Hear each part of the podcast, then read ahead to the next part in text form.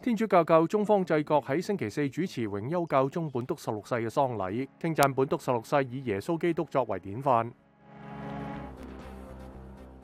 猶他州南部一處住宅內發現八個人死於枪傷，其中包括五名兒童。警方話並冇發現任何對公眾威脅。伊拉克哀悼者聚集喺苏莱曼尼亚市，为上个月喺巴黎袭击当中丧生嘅库尔德妇女阿米娜·卡拉举行丧礼。利马警方发射催泪弹驱散走上街头反对现任总统博卢阿尔特嘅抗议者。西班牙南部马拉加省有四十三人被捕，佢哋属于一个犯罪组织，剥削嚟自摩洛哥嘅无精移民农民工，并且向我哋出售假证件。